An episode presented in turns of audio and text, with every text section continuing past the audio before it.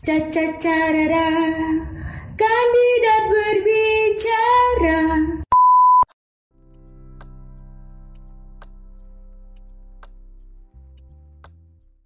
Halo Candidators, welcome back di podcast termantap jiwa dan terkena sedunia. Apalagi kalau bukan podcast cara. We are back nih uh, ke episode-episode baru yang tayang setiap minggu dan selalu ada special episode. Gimana nih kabar kalian semua? Masih pada semangat gak nih puasanya? Ini kan lagi bulan puasa nih. Nah, mumpung lagi bulan puasa, ngabuburit nih sambil dengerin podcast cara nih seru banget sih, fix. Apalagi nih, nih ya, hari ini tuh special episode di mana hari ini hari hari Kartini. Kalian tahu kan tanggal 21 April itu diperingati sebagai Hari Kartini. Nah, di episode kali ini akan ditemani oleh aku, Cika, yang sangat cantik ini. dan kedatangan gestar perempuan cantik dan sangat berprestasi nih, teman-teman. Say hi, Kak Tania. Oke, okay, halo candidators. Wah, senang banget. Sudah ceria banget ya Cika di awal. Wah, hai Kak Tania. Sumpah aku senang Halo. banget. Ada kesempatan nih bisa ngobrol sama Kak Tania nih yang, aduh ini kita bakal ngobrol banyak nih Kak Tania tuh karirnya sangat amat, uh, aku merinding ding dong. apa kabar nih Kak Tania? Lagi sibuk apa nih Kak kalau aku boleh tahu? Sibukannya sekarang sama pasti mahasiswa ya. Sama hmm. pastinya kayak Cika juga. Iya, benar sama-sama masih berkutik di bangku perkuliahan. Cuman ada beberapa tambahan kalau dari aku kebetulan baru saja diamanahi jadi runner up satu Putri Kampus Jawa Timur gitu. Oh my god. Sumpah itu boleh cerita sedikit nggak sih kak kayak itu tuh kayak uh, tentang apa gitu? Mestinya Putri Kampus tuh mestinya gimana sih? Ya, setahu ya teman-teman ketika paham tentang duta kampus gitu kan. Mungkin di hmm. beberapa kampusnya teman-teman candidatorsnya sekarang dengerin juga ada yang namanya duta kampus. Nah, kurang lebih juga sama seperti duta kampus di tempatnya teman-teman, cuman kalau saya di tingkatnya adalah Jawa Timur. Gitu, jika. Nah, karena ini nih katanya kan katanya juga tahu ya hari ini spesial Hari Kartini. Jadi kita hari ini ngobrol-ngobrol nih seputar Hari Kartini seputar pendidikan juga perempuan gitu karena ya benar yang aku bilang tadi karena ini kan hari spesial ya. Jadi uh, aku pengen nih ngobrol-ngobrol sedikit sama katanya tentang perempuan sih gimana sih menurut katanya tentang pendidikan gimana tentang RA Kartini itu sendiri bahkan. Nah kalau yang aku tahu sih ya kayak yang paling terkenal tuh dia yang punya buku itu loh kan buku kumpulan suratnya surat kartini mm -hmm. yang habis gelap terbitlah terang itu. Dan yang aku tahu tuh kartini itu punya keinginan gitu untuk melanjutkan pendidikan karena eh, apa ya dia pengen mendapatkan hak yang sederajat dengan pria dalam hal pendidikan gitu. Dia pengen kasih lihat ke dunia kalau perempuan itu juga bisa loh eh, melakukan hal-hal yang banyak nggak cuma laki-laki saja. Terus kayak aku ngeliatnya tuh era Kadri itu benar-benar kayak pahlawan sih aku bilangnya ya dan dia menurut aku berjasa. Oke, sebenarnya bener ya yang diungkapin sama Cika tadi kalau berbicara tentang RA Kartini atau Raden Ajeng Kartini ya kita sebutnya, mm-hmm, itu betul. pasti yang ada di otaknya kita adalah emansipasi wanita. So, pasti kan? Iya, iya. Apalagi kalau udah lihat tanggalan 21 April gitu. Yang terlintas adalah Hari Kartini. Nah, um, aku nggak tahu ya, apakah kandidat yang di rumah juga paham kalau misalnya tanggal 21 April ini merupakan hari lahir dari RA Kartini. Makanya dijadikan sebagai tanggal nasional di Hari Kartini kayak gitu. Betul. Betul, betul, betul, betul. Setuju sih aku. Apa nih yang kak kayak katanya tahu tuh yang so, Kartini selain emansipasi wanita gitu kayak kak Tania tahu nggak sih dia tuh dulu kayak hmm, pernah kontribusi itu apa aja kayak pencapaian dia sama dia hidup kayak gitu-gitu kan tahu kan ya pasti di bidang pendidikan sama uh, emansipasi wanita yang kayak tadi katanya bilang tuh. Oke okay, benar. Ini aku cerita di ya. Nah apa sih boleh, kayak backgroundnya RA Kartini itu? Uh, uh. Gimana gimana? Oke okay. langsung aja ya. Kalau RA Kartini nama lengkapnya dia adalah Raden Ajeng Kartini Joyo Diningrat. Mungkin teman-teman juga sering banget dengar tentang nama lengkap ini mungkin di buku sejarah atau di mana pun lah karena nama Raden Ajeng Kartini itu melekat banget gitu kan apalagi buat perempuan-perempuan gitu. Nah Raden Ajeng Kartini ini sendiri merupakan perempuan kelahiran Jepara tepatnya tadi ya tanggal 21 April di 1879. Kenapa dinamakan Raden Ajeng? Karena emang um, keturunannya latar belakang dari Kartini ini merupakan seorang anak bangsawan jadi biasanya anak bangsawan kalau zaman dulu itu diberikan nama Raden Ajeng. Nah, Kalau Kartini ini sendiri yang kita tahu juga ya perjuangannya luar biasa untuk menyetarakan antara perempuan dan laki-laki dari segi apa pun itu sih sebenarnya dari segi pendidikan ya utamanya kita tahu itu juga gitu. Nah dari RA Kartini um, yang saya pahami ya dia itu tuh sering banget tulis surat untuk teman-temannya, sahabat-sahabatnya yang ada di Belanda gitu kan. Oh. Tentang pemikiran-pemikirannya um, wanita pribumi itu kayak apa sih perbedaannya sama mereka yang ada di Belanda itu kayak apa dan pemikiran-pemikiran itu yang tertuang dalam surat-suratnya dan akhirnya dibukukan kayak gitu. Terus kan ada yang kakak tahu lagi gitu nggak seputar Kartini? Um, kalau yang aku tahu lagi, kalau kita lebih spesifikasi ke surat ya, kenapa sih sebenarnya si R.A. Kartini ini akhirnya nulis surat? Karena emang si R.A. Kartini ini tuh bisa berbahasa Belanda gitu loh. Dan ketika pada saat itu, memang dia banyak berkomunikasi, berinteraksi dengan orang-orang Belanda kan. Dan di situlah dia itu menemukan sebuah hal kayak, kenapa sih pribumi ini nggak bisa kayak Belanda yang sama-sama pendidikan antara perempuan dan laki-lakinya ini bisa gitu loh. Sedangkan hmm. kalau di bumi pada waktu itu kan perempuan ya bisa dikatakan nggak ada ya yang mengenyam pendidikan jarang banget gitu loh ada perempuan yang diperbolehkan untuk mengenyam pendidikan dari situlah akhirnya um, era kartini ini tuh apa ya istilahnya kayak berpikiran gimana sih caranya pribumi ini dapat hal yang sama dengan laki-laki dan perempuannya untuk mengenyam pendidikan utamanya. Aku pengen tahu deh kayak karena aku cuma tahu sedikit doang nih ya kak ya minim sekali di pengetahuan aku nih kayak pencapaian seorang RA Kartini gitu loh kan selama hidup. Jadi pada waktu itu emang Kartini ini merupakan salah satu perempuan yang cukup beruntung karena dari keluarganya apalagi ayahnya ini masih mengizinkan dia untuk bersekolah meskipun hanya sampai usia 12 tahun. Di situ Kartini memiliki cita-cita untuk sekolah Belanda, untuk menjadi oh. seorang guru gitu loh. Tapi dari keluarganya tidak mengizinkan untuk ke Eropa dan memutuskan untuk sekolah di Betawi. Tapi sangat disayangkan, um, sia-sia itu semua perjuangannya karena akhirnya dijodohkan dan disuruh untuk menikah. Gitu. Oh. Nah, pada waktu itu dia merupakan anak bangsawan, jadi istilahnya kayak nurut gitu loh sama kebutuhan dari orang tuanya, dari keluarganya, akhirnya dia memutuskan untuk menikahlah pada waktu itu. Ketika menikah, harapannya dia dia tetap melanjutkan cita-citanya itu tadi. Ketika menikah pun, akhirnya dia membangun sebuah sekolah perempuan satu-satunya pada waktu itu. Gitu. Jadi itu yang mempelopori dia sampai namanya kenapa sih bisa dikenang karena ya itu dia cuma dia yang bisa bikin sekolah untuk perempuan gitu. Iya. Pada waktu itu ya.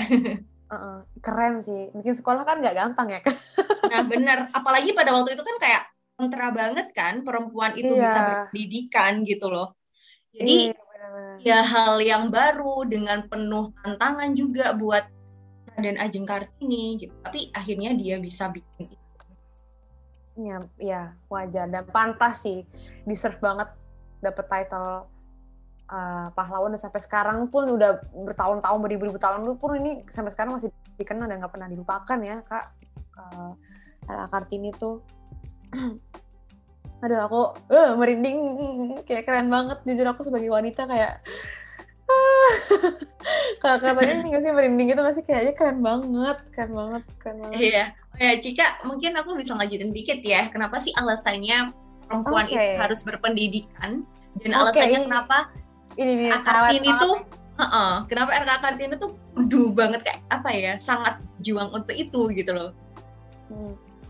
mungkin kan yang dikira itu um, banyak orang yang berpikiran kalau emansipasi dan kesetaraan gender kesetaraan antara hmm. perempuan dan laki-laki itu kita perempuan ingin menyaingi laki-laki banyak sekali yang berpikiran kayak gitu iya benar padahal pada waktu itu Kartini itu cuma berpikiran ketika perempuan itu berpendidikan, otomatis dapat mendidik dengan baik anak-anaknya.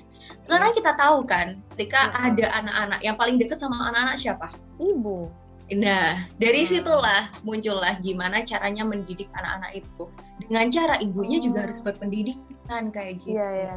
Kita bisa beralih ke masa sekarang ya, pengimplementasiannya iya, iya, iya, ya. Iya, aku tuh aku tuh bertanya-tanya gitu loh kayak kenapa ya dulu tuh laki-laki tuh nomor satukan banget gitu daripada perempuan gitu. Um, kayak dianggap sebelah mata gitu loh, uh, wanita dianggap sebelah mata bahwasannya perempuan tuh ya nggak bisa gitu kayak laki-laki kayak padahal kan perempuan juga kuat kita punya uh, energi kita punya niat kita punya kemampuan kita punya keahlian untuk melakukan banyak hal gitu ya nggak sih kak? Iya bener tapi itu lebih ke apa ya budaya dan adat istiadat di iya, masyarakatnya iya, bukan sih? Uh -uh. bener bener bener.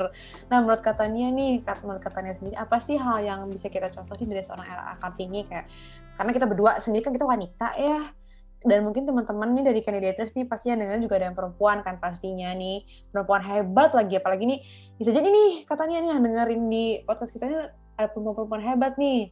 Intinya yakin aja sih sama kemampuan um, gimana ya maksudnya tuh ketika kita dihadapkan sama sesuatu jangan berpikir kayak malah nanti aku nggak bisa deh kayaknya cowok lebih unggul. Jangan gitu hmm. dulu gitu loh. Kita yeah, harus yeah, bisa bener. memutuskan stigma itu gitu. Dari mulai diri kita aja dulu. Karena mungkin kalau kita ngubah cara berpikirnya orang secara luas masyarakat Indonesia gitu kan itu masih terlalu sulit kan.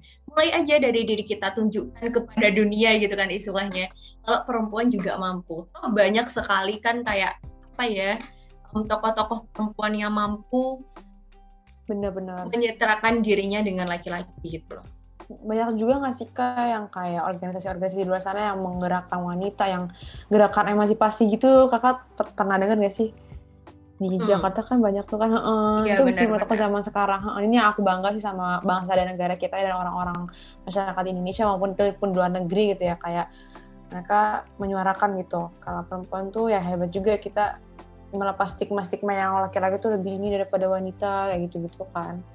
Nah, menurut ya, katanya tuh kayak apa aja sih peran perempuan dalam memajukan bangsa gitu di di masa sekarang dan kalau katanya sendiri itu sejauh ini udah pernah melakukan apa sih gitu untuk melanjutkan melanjutkan perjuangan RA Kartini ini dalam apa pun ya dalam bidang pendidikan dan ataupun dalam uh, hal uh, emansipasi wanita gitu. Oke, sebelum ke situ, eh kita bahas kembali ke stigma ya. Pasti Cika okay, juga sering denger kan tentang 3M. Itu loh Enggak. yang perempuan itu cuman bisanya masak, macak mana.